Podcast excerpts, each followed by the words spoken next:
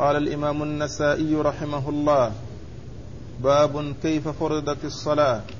وقال أخبرنا إسحاق بن إبراهيم قال حدثنا سفيان عن الزهري عن عروة عن عائشة رضي الله عنها أنها قالت أول ما فرضت الصلاة ركعتين فأقرت صلاة السفر وأتمت صلاة الحضر. بسم الله الرحمن الرحيم. الحمد لله رب العالمين وصلى الله وسلم وبارك على عبده ورسوله نبينا محمد وعلى آله وأصحابه أجمعين. أما بعد يقول النسائي رحمه الله باب كيف فرضت الصلاة.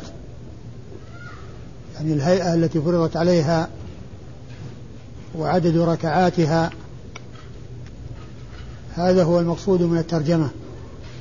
وقد أورد النسائي حديث أم المؤمنين عائشة رضي الله عنها وأرضاها أنها قالت أول ما أول ما فرضت الصلاة ركعتين ركعتين فزيدت صلاة الحضر وأقرت صلاة السفر.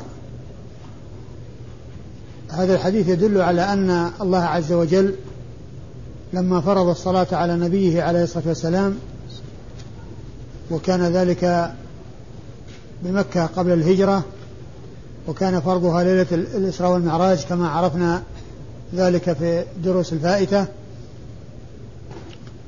فرضها ركعتين. والمراد من ذلك يعني ما عدا المغرب. ما عدا المغرب فإنها فرضت وهي ثلاث. ولم تزد ولم ينقص منها. يعني لا تقصر.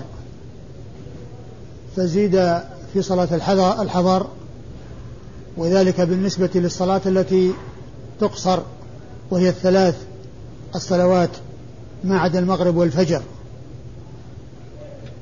ولم تقصر المغرب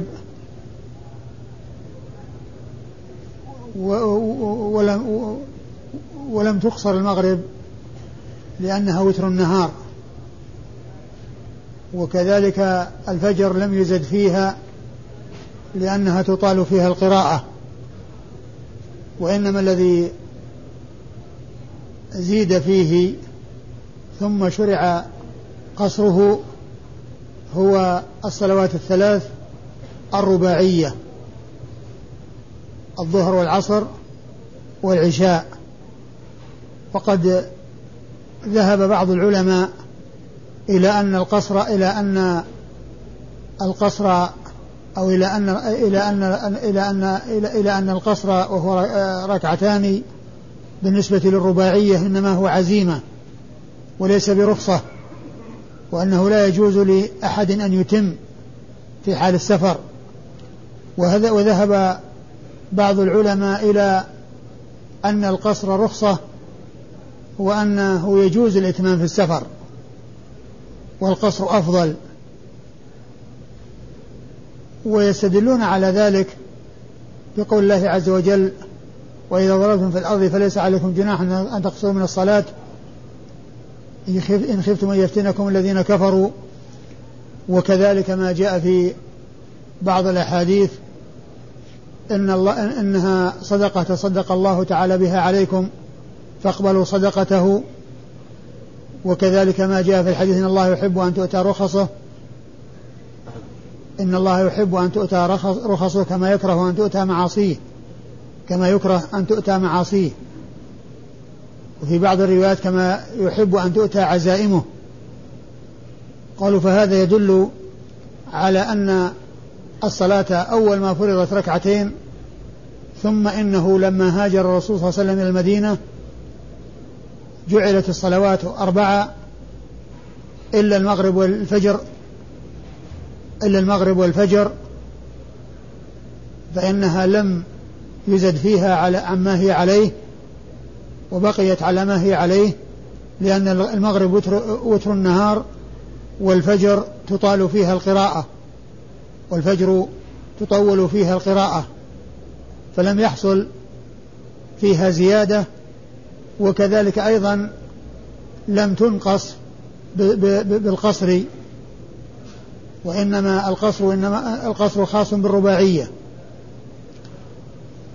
وإذا فمن العلماء من قال إن إن إن القصر عزيمة واستدل على ذلك بحديث عائشة ومنهم من قال إنه رخصة واستدل على ذلك بالأدلة التي ذكرت الآية والحديث.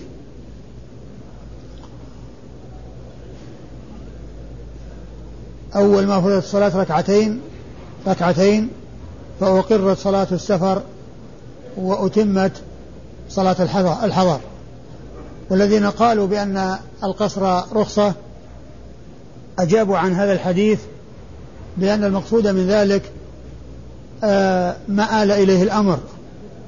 ما آل إليه الأمر من أن الصلاة المقصورة صارت ركعتين فصارت كهيئتها لما فرضت أول ما فرضت ركعتين ركعتين.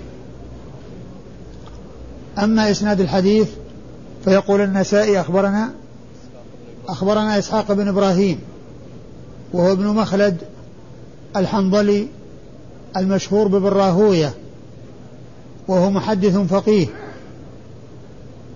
وقد وصف بأنه أمير المؤمنين في الحديث وهو وصف رفيع عال لم يظفر به إلا قلة من المحدثين ومنهم إسحاق بن راهوية هذا. وحديثه خرجه أصحاب الكتب الستة إلا ابن ماجه. حديثه خرجه أصحاب الكتب الستة إلا ابن ماجه فإنه لم يخرج له شيئا. حدثنا سفيان.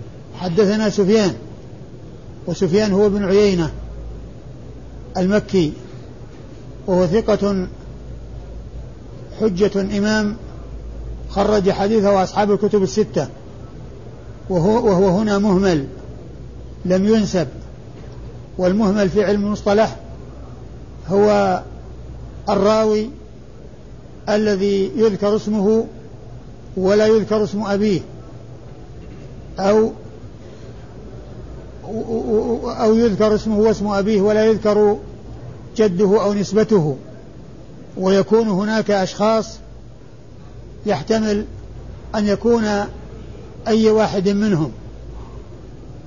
وهنا سفيان غير منسوب وهو المسمى المهمل ويحتمل سفيان بن عيينة ويحتمل سفيان الثوري. لكن اتضح أنه سفيان بن عيينة لأن لأنه هو الذي عرف بالرواية عن الزهري. هو الذي عرف بكثرة الرواية عن الزهري. وسفيان الثوري ذكر الحافظ بن حجر في فتح الباري أنه لم يروي عنه إلا بواسطة. لم يروي عنه إلا بواسطة. فيكون ذكر سفيان إذا جاء مهملا غير منسوب محمولا على سفيان بن عيينة وليس الثوري لأن الثوري ليس معروفا بالرواية عن سفيان بن عن عن الزهري وإنما روى عنه بالواسطة. وأما سفيان بن عيينة فقد عرف بكثرة الرواية عن الزهري والأخذ عنه. وسفيان بن عيينة خرج حديثه أصحاب الكتب الستة. أما الزهري فهو محمد بن مسلم ابن عبيد الله بن عبد الله ابن شهاب ابن عبد الله بن الحارث بن زهرة بن كلاب. وهو أحد الفقهاء والمحدثين وهو أحد المكثرين من رواية الحديث عن رسول الله عليه الصلاة والسلام. وهو الذي قام بجمع السنة بناء على تكليف من الخليفة عمر بن عبد عمر بن عبد العزيز رحمة الله عليه. والذي يقول فيه السيوطي أول جامع الحديث والأثر ابن شهاب آمر له عمر. فهو الذي قام بجمعه بتكليف من الخليفة. أما كتابته بصفة فردية وبدون تكليف من أحد فكان هذا معروفا عن بعض الصحابة مثل عبد الله بن عمرو وكذلك عن التابعين ولكن بتكليف من الخليفة وولي أمر المسلمين الذي قام بهذا عمر آه، آه، سفيان آه، محمد بن شهاب الزهري بتكليف من الخليفة عمر بن عمر بن عبد العزيز. رحمة الله عليه. والزهري حديثه خرجه أصحاب الكتب الستة. عن عروة. عن عروة. وعروة هو ابن الزبير ابن العوام. وهو ثقة خرج حديثه أصحاب الكتب الستة. وهو محدث فقيه. بل هو أحد الفقهاء السبعة المشهورين في المدينة في عصر التابعين. لأن المدينة لأن هذه المدينة المباركة اشتهر فيها في عصر التابعين سبعة يرجع رجع الناس إليهم في الفقه وغلب عليهم هذا اللقب وهو لقب الفقهاء السبعة وأحد هؤلاء السبعة عروة بن الزبير ابن العوام والباقون هم عبيد الله بن عبد الله بن عتبة بن مسعود وسعيد بن المسيب والقاسم بن محمد بن أبي بكر الصديق وسليمان بن يسار وخارجة بن زيد وأبو بكر بن عبد الرحمن بن الحارث بن هشام على أحد الأقوال في السابع. والقول والقول الثاني أنه أبو سلمة بن عبد الرحمن بن عوف. والقول الثالث أنه سالم بن عبد الله بن عمر بن الخطاب. فسبعة متفق عليهم والسابع مختلف فيه على ثلاثة أقوال. وهؤلاء السبعة جمعهم ابن القيم جمعهم بعض الشعراء في بيتين. ذكرهما ابن القيم في أول كتابه إعلام موقعين وكتاب إعلام موقعين من أحسن الكتب التي ألفت في الفقه. وفي بيان الحكم والأسرار لأحكام الشريعة فهو كتاب عظيم. وقد ذكر في أوله المفتين في عصر الصحابة والتابعين ومن بعدهم في البلاد المختلفة. ولما جاء عند ذكر هذه المدينة ذكر الفقهاء في عصر الصحابة ثم الفقهاء في عصر التابعين وذكر من بينهم الفقهاء السبعة ثم قال ثم ذكر البيتين آه قال الشاعر إذا قيل من في العلم سبعة أبحر روايتهم ليست عن العلم خارجة فقل هم عبيد الله عروة قاسم سعيد أبو بكر سليمان خارجة.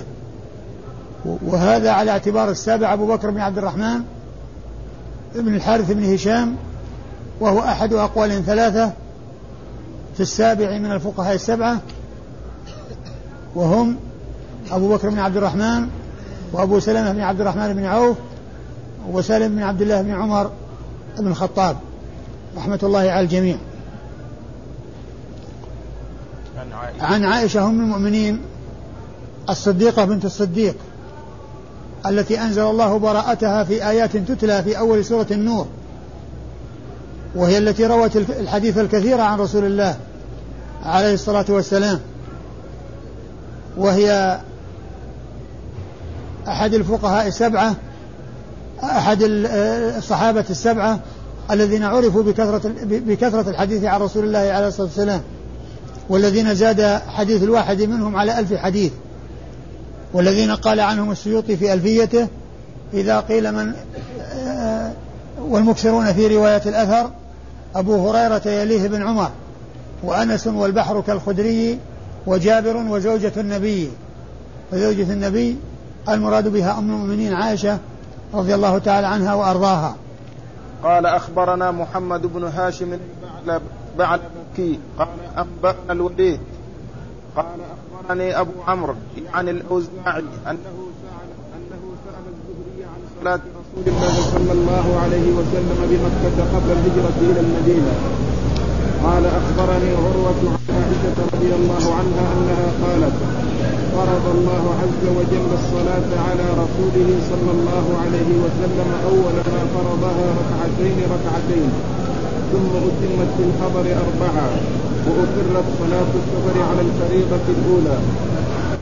ورد النسائي حديث عائشة رضي الله عنها وأرضاها وهو بمعنى الحديث السابق أو الرواية السابقة أن الصلاة آه، فرضها الله على نبيه عليه الصلاة والسلام وهو بمكة قبل الهجرة إلى المدينة ركعتين ركعتين. فلما هاجر ثم أتمت في الحضر أربعة. ثم أتمت في الحضر أربعة وبقيت في السفر على الفريضة, الفريضة الأولى.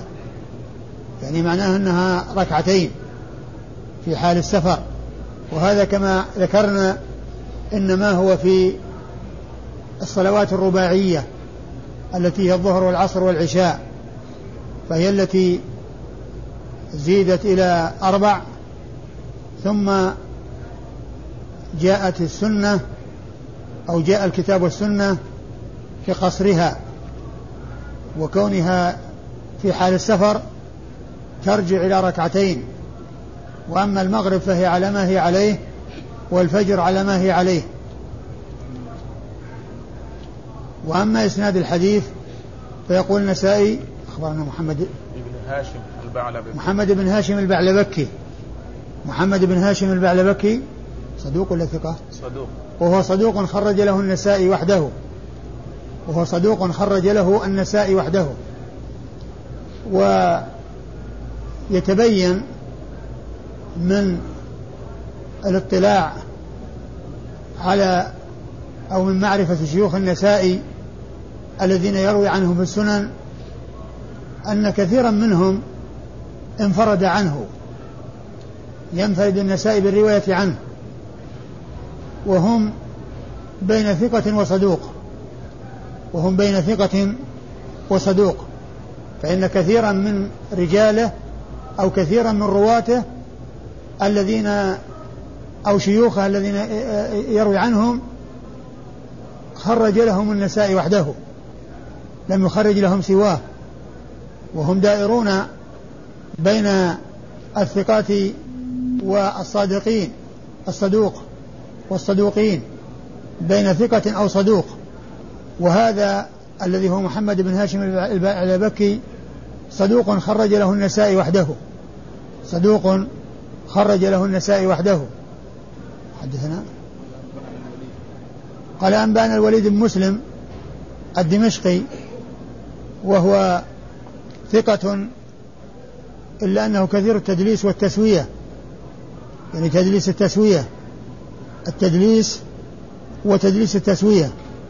والتدليس كما هو معلوم آه رواية الراوي عن شيخه ما لم يسمعه منه بلفظ موهم السماع كعن أو قال ولكنه إذا أتى بأخبرني أو حدثني أو سمعت فإنه لا تدليس فيه وإنما التدليس عندما تأتي صيغة تحتمل الاتصال وتحتمل الواسطة هذا هو التدليس. رواية الراوي عن شيخه ما لم يسمعه منه بلفظ موهم السماع كعن أو قال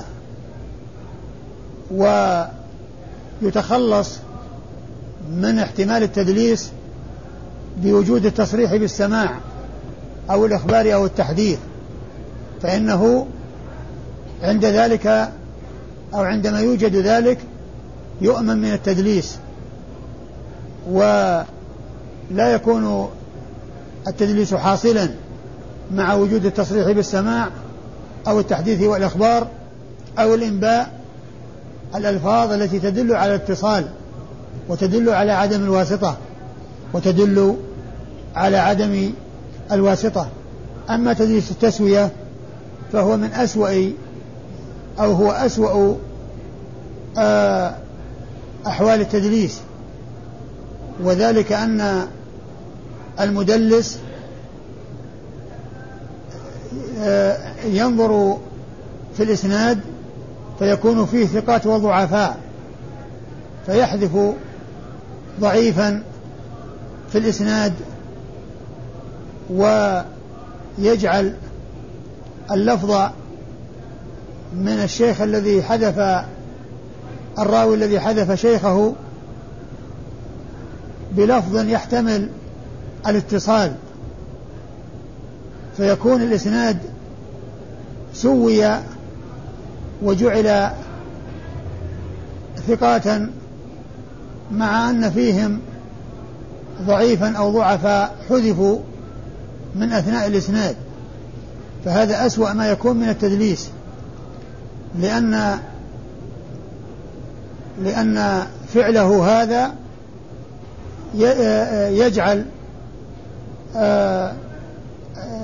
التهمة تتوجه إلى من ليس بمعروف بالتدليس إلى من ليس بمعروف عن بالتدليس وأنه يكون آه تكون روايته عن ثقة مع أنه إنما روى عن ضعيف ولكن المدلس الذي دلس تسوية هو الذي حلف حذف ذلك الضعيف وسوى الإسناد وجعله كله ثقات بعد حذفه ذلك الضعيف الذي في أثناء الإسناد. فهو أشد ما يكون من التدليس وأسوأ ما يكون من التدليس لأن هذا فيه آه تحميل للغير وإضافة الخطأ إلى الغير أو إضافة اللبس إلى الغير بخلاف أنواع التدليس بخلاف غير ذلك من التدليس لأن هذا يرجع إلى مدلس نفسه لأن هذا يتعلق بشيوخه. وأما تدليس التسوية هو يتعلق بشيوخ شيوخه أو من فوقهم. بشيوخ شيوخه أو من فوقهم. آه هذا هو الوليد بن مسلم الدمشقي وهو يروي عن الأوزاعي وقد روى عنه بصيغة أخبرني. وقد روى عنه بصيغة أخبرني فإذا هو متصل ولا تدليس فيه. متصل ولا تدليس فيه بينه وبين الأوزاعي بينه وبين الأوزاعي. والأوزاعي هو أبو عمرو عبد الرحمن بن عمرو الأوزاعي الدمشقي فقيه الشام ومحدثها وحديثه خرجه أصحاب الكتب الستة. وهنا قال أخبرني أبو عمرو ثم قال يعني الأوزاعي. فالوليد بن مسلم قال أخبرني عمرو فقط. أبو عمرو. أبو عمرو. أخبرني أبو عمرو. وهي كنية الأوزاعي. ومن دون الوليد بن مسلم أراد أن يوضح من هو ذلك الشيخ الذي ذكر بكنيته فقال يعني الأوزاعي. وكلمة يعني قائلها من دون الوليد بن مسلم. وفاعل يعني وهو فعل مضارع فاعله ضمير مستتر يرجع إلى الوليد بن مسلم. يعني الوليد بن مسلم يعني قال من من دون الوليد بن مسلم يعني الوليد بن مسلم بقوله أخبرني أبو عمرو يعني الأوزاعي يعني الوليد الأوزاعي. فالوليد هو الفاعل والأوزاعي هو المفعول يعني الأوزاعي. والأوزاعي خرج حديثه أصحاب الكتب الستة. عن الزهري. عن الزهري وقد تقدم. عن عروة عن عروة عن عائشة وقد مر ذكرهم. يقول من خرج للوليد؟ الوليد من خرج له؟ الوليد خرج له أصحاب الكتب الستة. الوليد مسلم خرج له أصحاب الكتب الستة. مثل الأوزاعي لأن رجال الإسناد كلهم خرج لهم أصحاب الكتب الستة إلا شيخ النسائي. محمد بن هاشم البعلبكي. محمد بن هاشم البعلبكي انفرد النسائي بالإخراج له. أما الوليد بن مسلم والزهري وعروة وعائشة فهؤلاء خرج حديثهم أصحاب الكتب الستة. قال أخبرنا قتيبة عن مالك عن صالح بن كيسان عن عروة عن عائشة رضي الله عنها قالت فرضت الصلاة ركعتين ركعتين فأقرت صلاة السفر وزيد في صلاة الحضر.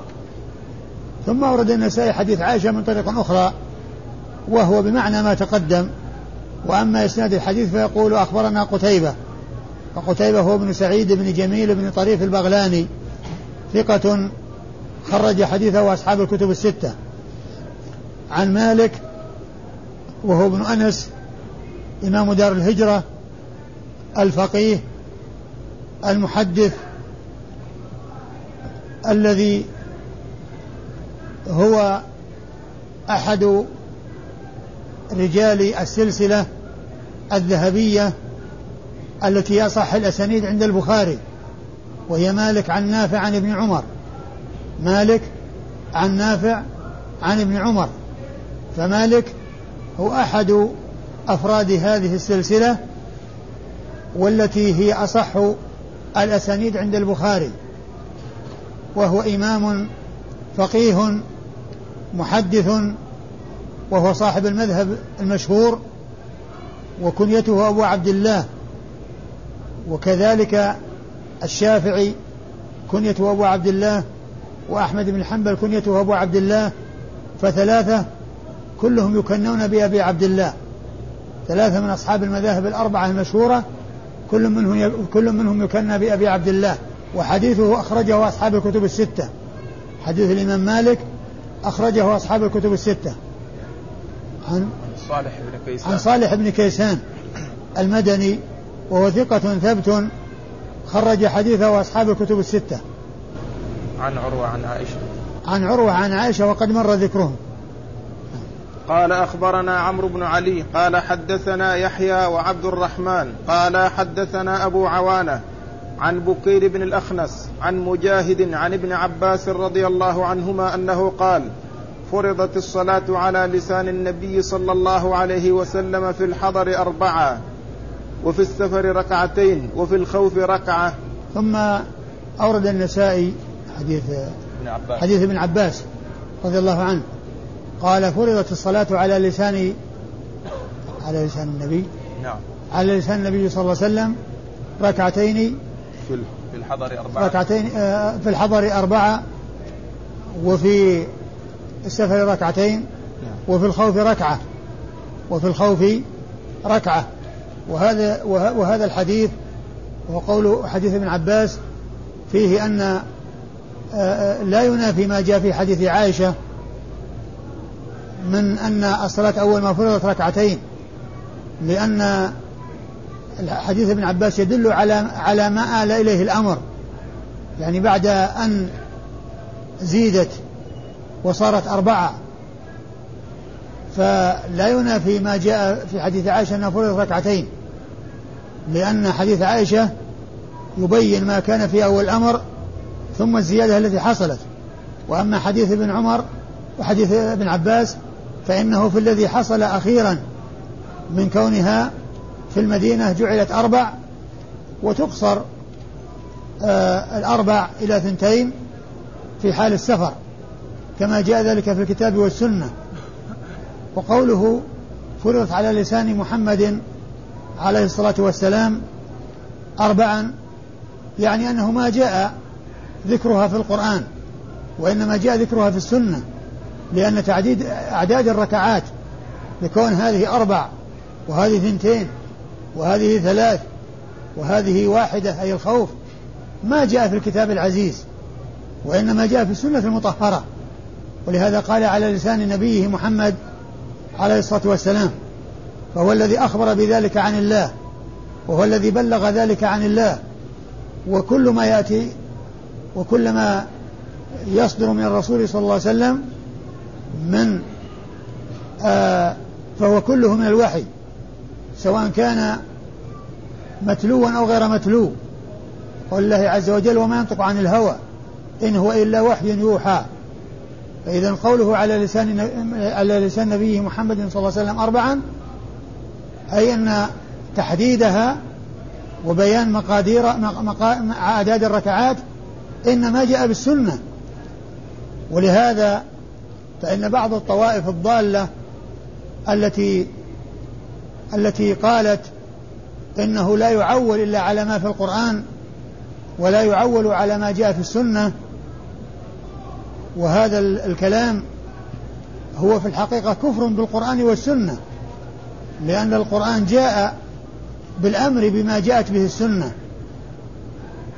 ومن أوضح ما ومن أوضح ما يدل على سقوط هذا القول وبطلانه أن العبرة بما في القرآن دون ما في السنة أن الصلوات الخمس المفروضة. ما عرفت أعدادها إلا بالسنة. ما عرفت أعداد الركعات إلا بالسنة. ما جاء في القرآن شيء يبين عدد الركعات. فالذي يقول إنه لا يعول إلا على ما جاء في القرآن يقال له أين في القرآن أن الظهر أربع ركعات؟ وأن العصر أربع ركعات؟ وكيف تصلي؟ وكيف يصلي؟ كيف يصلي من يقول هذا؟ كيف يؤدي الصلوات؟ والقرآن ليس فيه أربع ركعات. وإنما الأربع الركعات والثلاث الركعات والركعتين جاء بيانها في السنة وهذا وهذا يبين أن ما تقوله تلك الفرقة الضالة التي قالت إنه يقتصر ويلتزم بما جاء في القرآن دون ما في السنة أن هذا في الحقيقة إنما هو كفر في الكتاب والسنة. لأن من كفر بالسنة فهو كافر بالقرآن. لأن الله تعالى يقول وما أتاكم الرسول فخذوه وما نهاكم عنه فانتهوا. ولهذا ابن مسعود رضي الله تعالى عنه وأرضاه لما لعن النامصة والمتنمصة قال ما لي لا ألعن من لعنه رسول الله وهو في كتاب الله. لعن الله, الله, النامصة والمتنمصة لعن الله الحالقة والصالقة والشاقة. الحديث, الحديث الذي ورد في آه، لعن آه، آه، اللعن بالوصف لأوصاف من النساء. لما قال هذه المقالة وكانت إحدى الصحابيات سمعت كلامه جاءت إليه وقالت يا أبا عبد الرحمن أنني قرأت المصحف من أوله إلى آخره ما وجدت فيه هذا الذي تقول؟ لعن الله النامصة والمتنمصة. ليس في القرآن. قال لها إن كنت قرأتيه فقد وجدتيه. يقول الله عز وجل وما آتاكم الرسول فخذوه وما نهاكم عنه فانتهوا. وما آتاكم الرسول فخذوه وما نهاكم عنه فانتهوا. فإذا قوله على لسان نبيه محمد صلى الله عليه وسلم يعني أن فرضها ما جاء في القرآن وإنما جاء في السنة. وهو وحي. وكل ما يأتي به النبي صلى الله عليه وسلم فهو وحي. إلا أن منه ما هو متلو ومنه ما هو غير متلو ولكن كلها يجب العمل بها وكلها يجب الالتزام بما جاء فيها ومن كفر بالسنة فهو كافر بالقرآن ومن كفر بالسنة وألغاها ولم يعتبرها فهو كافر بالقرآن ولا نصيب له في الإسلام. أما قوله وأما ما جاء في وفي الخوف ركعة فهو يدل على أن صلاة الخوف في بعض أحوالها تكون ركعة. وذلك فيما إذا اشتد الخوف فإنه يجوز الاقتصار على ركعة واحدة كما جاء في حديث ابن عباس وذهب إليه بعض العلماء. ومنهم من قال إن صلاة الخوف لا تنقص عن ركعتين لا تنقص عن ركعتين. وقال إنما جاء في حديث ابن عباس محمول على الركعة التي آه، تفعلها كل طائفة ثم تضيف إليها ركعة أخرى. لكن لفظ الحديث واضح بأن صلاة الخوف ركعة ومعنى ذلك أنه يمكن الاقتصار على ركعة واحدة في صلاة الخوف. وصلاة الخوف جاءت لها صفات متعددة في سنة الرسول الكريم صلوات الله وسلامه وبركاته عليه. وستأتي في هذا الكتاب أو سيأتي في هذا الكتاب بعض منها. أما إسناد الحديث يقول أخبرنا عمرو بن علي؟ نعم. أخبرنا عمرو بن علي وهو الفلاس المحدث الناقد وهو ثقة خرج حديثه أصحاب الكتب الستة. حدثنا يحيى وعبد الرحمن. حدثنا يحيى وعبد الرحمن. يحيى هو بن سعيد القطان. وهو ثقة محدث ناقد حديثه عند أصحاب الكتب الستة. وعبد الرحمن بن مهدي وعبد الرحمن هو بن مهدي. وهو ثقة ناقد حديثه عند أصحاب الكتب الستة.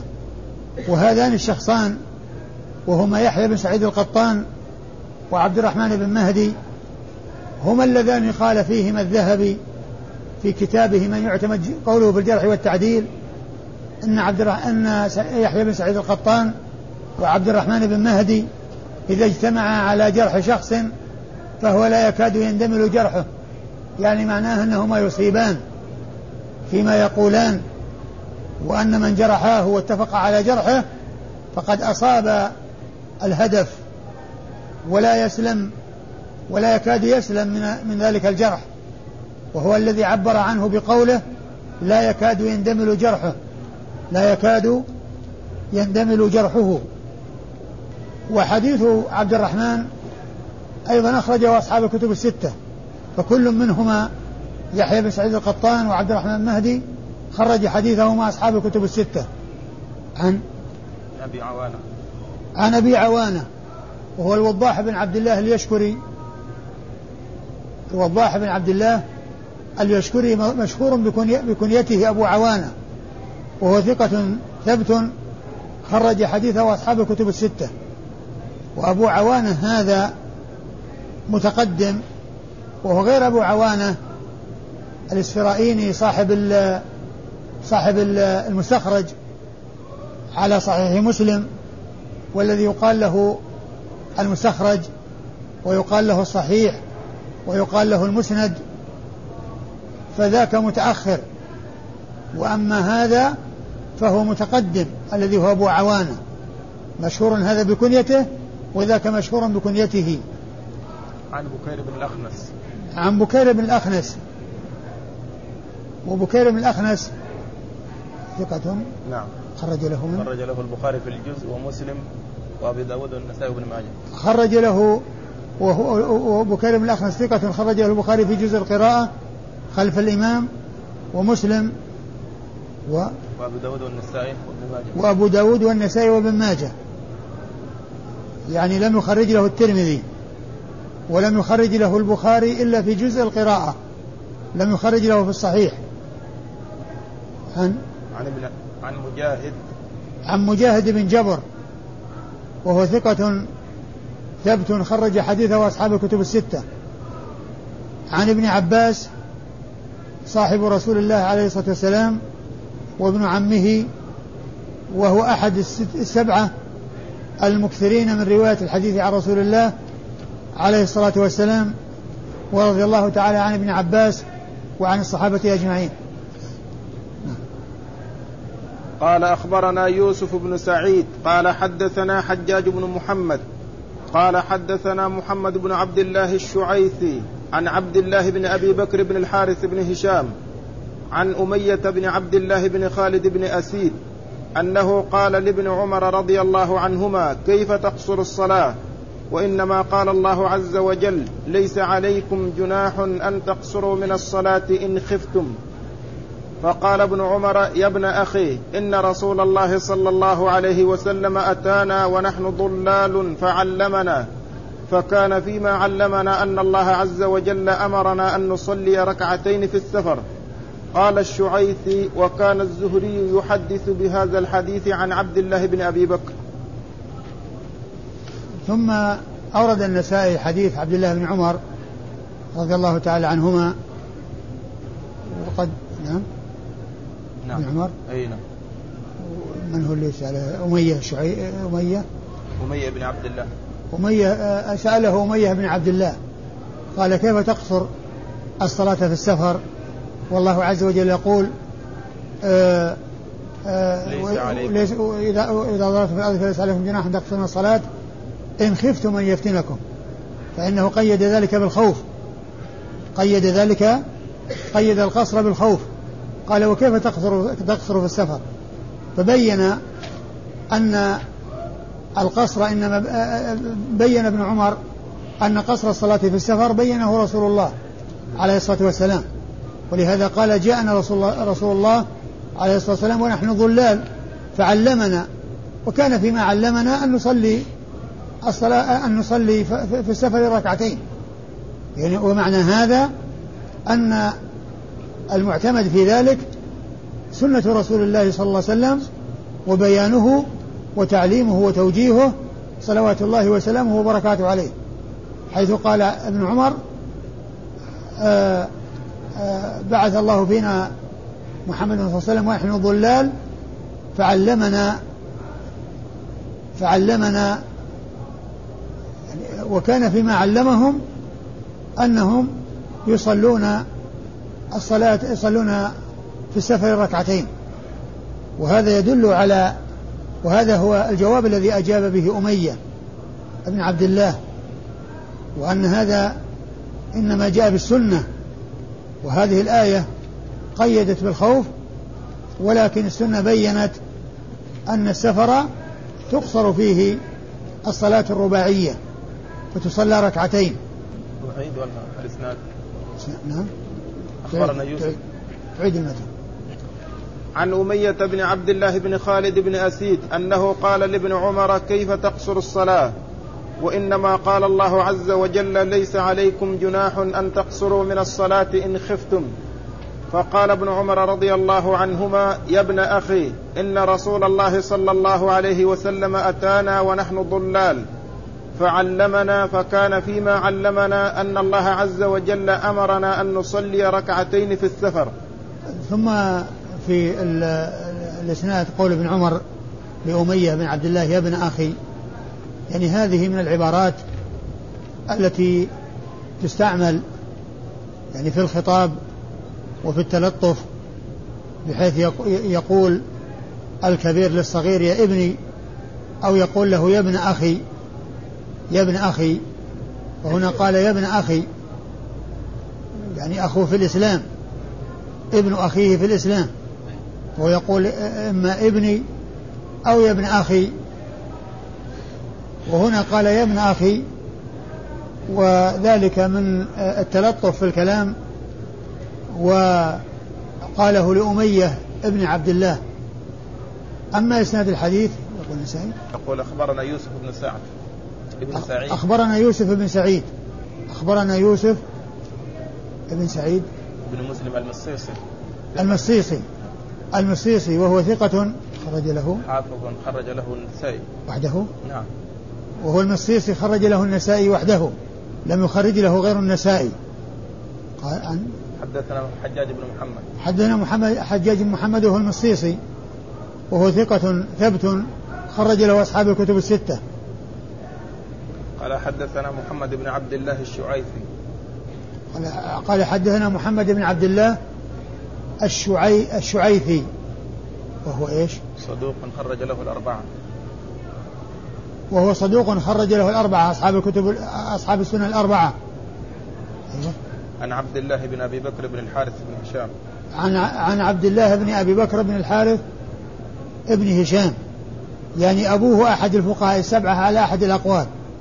عبد الله بن أبي بكر ابن عبد الرحمن ابن الحارث بن هشام. وهو إيش؟ نعم. وهو عبد الله. عبد الله. ثقة أو صدوق. عبد الله بن أبي بكر هذا؟ صدوق. ما كتبت نعم. نعم صدوق خرج له النسائي وابن ماجه. صدوق خرج له النسائي وابن ماجه. يروي عن أمية ابن عبد الله ابن ابن خالد بن أسيد. ابن خالد بن أسيد وهو أيضا صدوق خرج له النسائي وابن ماجه. وهو ثقة. وهو ثقة خرج له النسائي وابن ماجه. خرج له النسائي وابن ماجه كتلميذه الذي روى عنه. كل من الاثنين روى عنه النسائي وابن ماجه. عن عن ابن عمر. رضي الله عن ابن عمر رضي الله تعالى عنهما. وركعتين وفي الحضر أربع وفي الخوف ركعة. وهنا بيان عدد الصلوات عدد الصلوات في اليوم والليلة وأنها خمس. وقد أورد النسائي حديث طلحة بن عبيد الله. حديث طلحة بن عبيد الله رضي الله تعالى عنه أنه جاء رجل من نجد ثائر الرأس آه يسمعون صوته ولا يعرفون ما يقول له دوي وحتى دنا من رسول الله صلى الله عليه وسلم وإذا هو يسأل عن الإسلام يسأل عن شرائعه. يعني ماذا أوجب الله عز وجل عليه؟ فقال له النبي صلى الله عليه وسلم, خمس صلوات في اليوم والليلة. وهذا هو محل الشاهد من إيراد الحديث في الباب. خمس صلوات في اليوم والليلة. قال هل علي غيرها؟ قال لا إلا أن تطوع. يعني ما أوجب الله في اليوم والليلة إلا خمس صلوات. ولا يجب سواها. وما عدا ذلك فهو تطوع. فهذا يدل على أن الذي أوجبه الله عز وجل من الصلوات في اليوم والليلة هو هذه الخمس. وما زاد عليها فهو تطوع.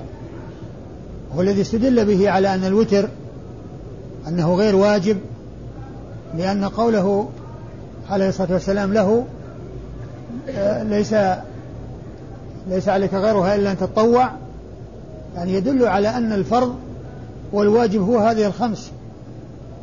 ولكن ما عدا هذه الخمس منه هو سنن ولكنها متفاوتة وآكد السنن الوتر وركعتي الفجر ولم يكن النبي صلى الله عليه وسلم يتركهما لا في حضر ولا في سفر. والمحافظة على السنن هي حماية ووقاية للفرائض ومن حافظ على السنن حافظ على الفرائض. ومن تساهل في السنن تساهل في الفرائض. قد يتساهل في الفرائض. والحديث يدل على أن الفرض في اليوم والليلة هو خمس. ليس عليها زيادة. ولا ولا ولا نقص في لا تنقص ولا تزيد. يعني الفرض لا ينقص عن خمس ولا يزيد عن خمس بل هو خمس. لا زيادة ولا نقصان. أي المفروض. وأما التطوع فهو وراء ذلك فهو وراء ذلك. قال هل علي غيرها؟ قال لا إلا أن تطوع. ثم أخبره عن الصيام وأن الواجب عليه أن الفرض شهر رمضان. فقال هل علي غير ذلك قال لا إلا أن تطوع. ثم ذكر له الزكاة. قال هل علي غيرها قال لا إلا أن تطوع. ثم أدبر وهو يحلف ويقول والله لا أزيد على ذلك ولا أنقص. فقال أفلح إن صدق. قوله عليه الصلاة والسلام أفلح إن صدق لا يعني أن ما زاد على ذلك بخلاف هذا الحكم الذي قاله الرسول صلى الله عليه وسلم وذلك أن من حصل له الفلاح في حال اقتصاره على الواجبات فهو من باب أولى إذا كان يؤدي الواجبات ويزيد عليها نوافل. إذا كان يؤدي الواجبات ويزيد عليها نوافل. وقد جاء في الحديث القدسي عن النبي عليه الصلاة والسلام فيما يروي عن ربه أنه قال وما تقرب إلي عبدي بشيء أحب إلي مما افترضته عليه. ثم قال ولا يزال عبدي يتقرب إلي بالنوافل حتى أحبه فإذا أحببته كنت سمعه الذي يسمع به وبصره الذي يبصر به ويده التي يبطش بها ورجله التي يمشي بها ولئن استعاذني لأعيذنه إلى آخر الحديث. فهذا يدلنا على أن الفرائض أن أن أن الإتيان بالنوافل هي فيه وقاية وفيه حماية وأن من حافظ عليها أي وهي نوافل فهو يحافظ على ما هو مفروض من باب أولى. ومن تساهل بالنوافل فقد يتساهل في الفرائض ويتهاون في الفرائض والعياذ بالله. هذا الحديث؟ عن طلحة بن عبيد الله رضي الله عنه أنه يقول جاء رجل إلى رسول الله صلى الله عليه وسلم من أهل نجد ثائر الرأس. نسمع دوي صوته ولا نفهم ما يقول حتى دنا. فإذا هو رجل, رجل الإمام ابن ثعلبة في الحاشية؟ نعم. ضمام ابن الحاشية. ضمام عند في الحاشية ولا عند السيوف؟ في الحاشية. في الشرح ضمام ابن ثعلبة هو؟ إيه. ابن ثعلبة هو؟ ابن ثعلبة نعم, نعم. آه قوله جاء رجل كلمة رجل هذا آه يسمونه في المصطلح المبهم المبهم. والإبهام يكون في الإسناد ويكون في المتن. يكون في الإسناد ويكون في المتن. وهنا مبهم في المتن لأنه قال جاء رجل. وهذا لا يؤثر. يعني سواء علم المبهم أو لم يعلم. وإنما يؤثر الإبهام في الإسناد. لأنه يتوقف عليه معرفة آه، آه، آه، استقامة الإسناد من عدمها. أما في المتن فذكر فالإبهام لا يضر سواء عرف المبهم أو لم يعرف. وقد عرف المبهم وأنه ضمام بن ثعلبة. ضمام ابن ثعلبة. وإذا فهو مبهم وقد عرف ذلك المبهم وأنه ضمام ابن ثعلبة. جاء ثائر الرأس يعني أن شعره منتفش و آه، يعني يصف حالته وهيئته التي جاء وهو عليها وأن أنه يتكلم كلاما. إيش؟ إيش اللفظ؟ ثائر نعم، الرأس. نسمع دوي صوته ولا نفهم ما يقول. نسمع دوي صوته ولا ولا نفهم ما يقول. يعني يسمعون صوتا دون أن يفهموا الكلام الذي قيل في ذلك الصوت.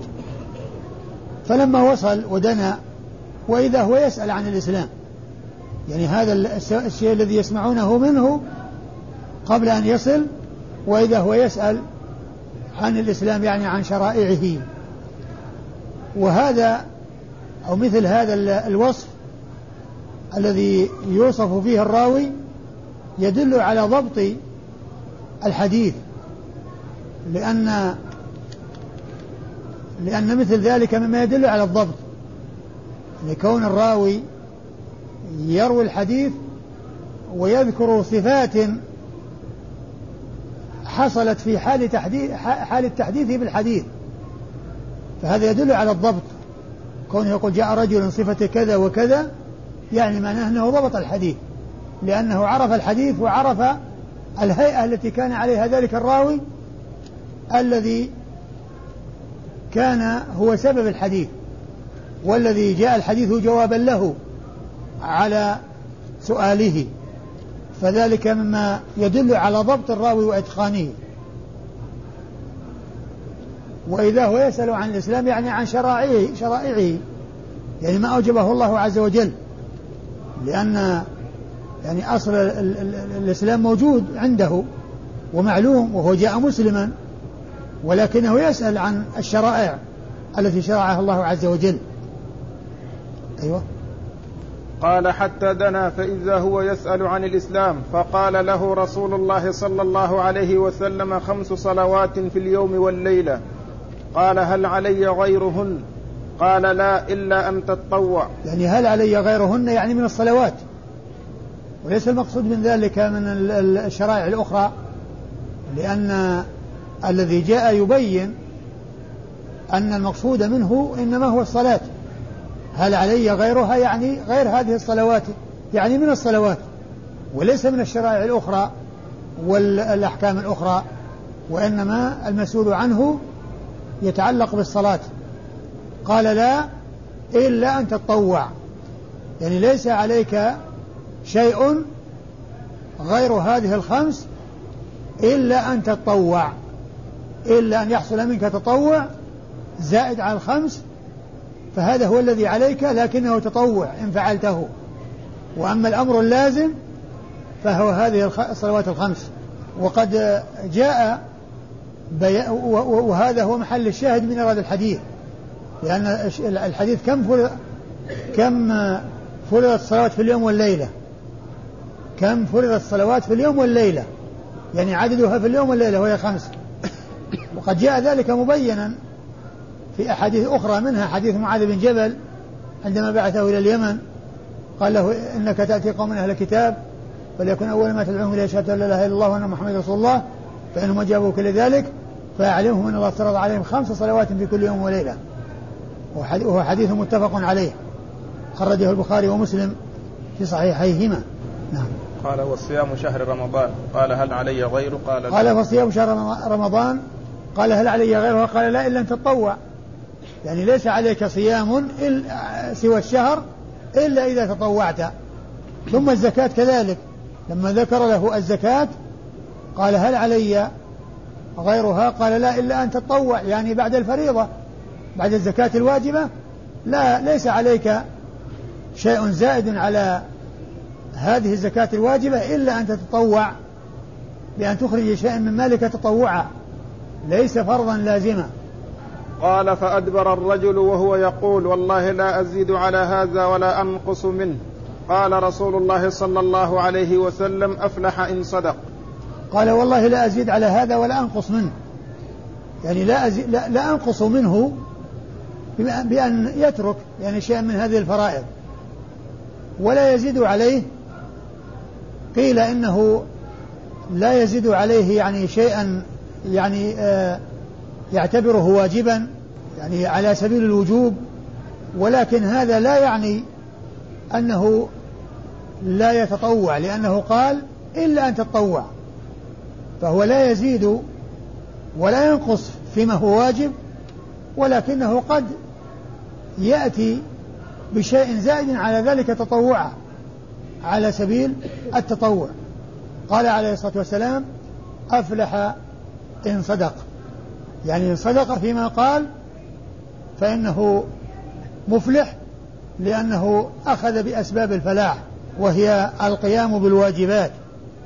وكما ذكرت من قبل أن الفلاح يحصل لمن اقتصر على الواجبات ولكن من آه، حصل له الزيادة في التطوع فهو أولى بذلك وهو أحق بهذا الوصف الذي هو الفلاح ممن اقتصر على الواجبات. لأن من أتى بالواجب فإنه يسقط عنه الإثم ومن أتى بالمستحب فإنه يحصل أجرا على المندوب كما يحصل أجرا على الواجب الذي يؤديه. وقد جاء في صحيح مسلم في بعض رواياته أفلح وأبيه إن صدق. أفلح وأبيه إن صدق. قوله وأبيه آه آه ظاهره أنه قسم وأقسم بأبيه. وقد جاء عن النبي الكريم عليه الصلاة والسلام أنه نهى عن الحلف بالآباء والأمهات وقال من كان حالفا فليحلف بالله أو ليصمت. فكيف يوفق بين ما جاء من نهيه عليه الصلاة والسلام عن الحلف بالآباء والأمهات والحلف بغير الله وبين وبين قوله عليه الصلاة والسلام أفلح وأبيه إن صدق. وقد أجيب عن ذلك بأن هذا كان في أول الأمر قبل أن يأتي النهي وقبل أن يحصل التحريم. وقيل إن هذا آه وقيل فيه أقوال أخرى غير هذا. لكن هذا هو أولاها وأظهرها الذي أشرت إليه. قال أخبرنا قتيبة. والإسناد يقول أخبرنا قتيبة وقد مر ذكره. عن مالك. عن مالك ابن أنس وقد مر ذكره. عن أبي سهيل. عن أبي سهيل وهو نافع ابن ابن مالك. ابن مالك ابن أبي عامر الأصبحي. وهو ثقة. ثقة خرج له. وهو ثقة خرج له الجماعة نعم. وهو ثقة خرج له الجماعة. يروي عن أبيه مالك ابن أبي عامر الأصبحي وهو أيضا ثقة خرج له الجماعة. يروي عن طلحة بن عبيد الله. يروي عن طلحة بن عبيد الله وهو الصحابي الجليل أحد العشرة المبشرين بالجنة الذين شهد لهم النبي صلى الله عليه وسلم بالجنة في حديث واحد. وفي مجلس واحد. فقال أبو بكر في الجنة وعمر في الجنة وعثمان في الجنة وعلي في الجنة وطلحة في الجنة والزبير في الجنة وعبد الرحمن بن عوف في الجنة وسعيد بن زيد في الجنة وسعد بن وقاص في الجنة وأبو عبيدة بن الجراح في الجنة. أبو عبيدة عامر الجراح أبو عبيدة عامر الجراح في الجنة. عد عشرة في مجلس واحد وفي حديث واحد. ولهذا أطلق أو اشتهر إطلاق لقب العشرة المبشرين بالجنة. ولا يعني ذكر العشرة المبشرين بالجنة أنه ما بشر غيرهم بل هناك آخرون بشروا مثل مثل ثابت بن قيس بن شماس وعكاشة بن محصن والحسن والحسين وغيرهم من الصحابة رضي الله عنهم وأرضاهم. ولكن قيل العشرة لأنهم جمعوا في حديث واحد وبشروا في الجنة في حديث واحد حيث سردهم النبي صلى الله عليه وسلم وقال عن كل واحد منهم إنه في الجنة قال عن كل واحد منهم إنه في الجنة وطلحة بن عبيد الله هذا هو أحد العشرة المبشرين بالجنة رضي الله تعالى عنه وأرضاه وحديثه خرجه أصحاب الكتب الستة. قال أخبرنا قتيبة قال حدثنا نوح بن قيس عن خالد بن قيس عن قتادة عن أنس عن أنس رضي الله عنه أنه قال سأل رجل رسول الله صلى الله عليه وسلم فقال يا رسول الله كم افترض الله عز وجل على عباده من الصلوات؟ قال افترض الله على عباده صلوات خمسا قال يا رسول الله هل قبلهن أو بعدهن شيئا؟ قال افترض الله على عباده صلوات خمسا فحلف الرجل لا يزيد عليه شيئا ولا ينقص منه شيئا. قال رسول الله صلى الله عليه وسلم إن صدق ليدخلن الجنة. ثم أورد النسائي حديث أنس بن مالك وهو بمعنى حديث آه، طلحة بن عبيد الله رضي الله تعالى عنه آه، أن رجلا سأل النبي صلى الله عليه وسلم ماذا فرض الله على عباده من الصلوات في اليوم والليلة؟ قال خمس. خمس صلوات قال هل قبلهن وبعدهن؟ قال لا. قال فحلف ألا يزيد على ذلك ولا ينقص. فقال عليه الصلاة والسلام إن صدق لا يدخلن الجنة. إن صدق لا يدخلن الجنة. وهذا هو معنى الفلاح الذي جاء في الحديث المتقدم حيث قال أفلح إن صدق. يعني معناه أنه يدخل الجنة لأن نتيجة الفلاح وثمرة الفلاح أن يدخل الجنة آه وإسناد الحديث؟ أخبرنا قتيبة. أخبرنا قتيبة وقد مر ذكره. حدثنا نوح بن قيس. حدثنا نوح بن قيس ابن رباح الأزدي البصري وهو صدوق خرج له مسلم والأربعة. صدوق خرج له مسلم وأصحاب السنن الأربعة.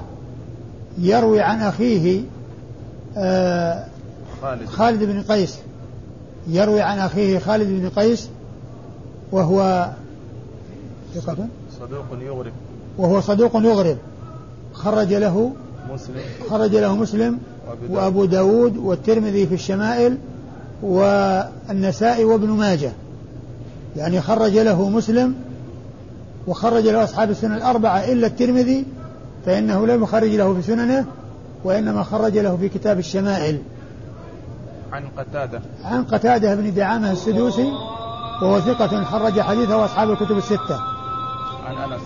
عن أنس رضي الله تعالى عنه وقد مر.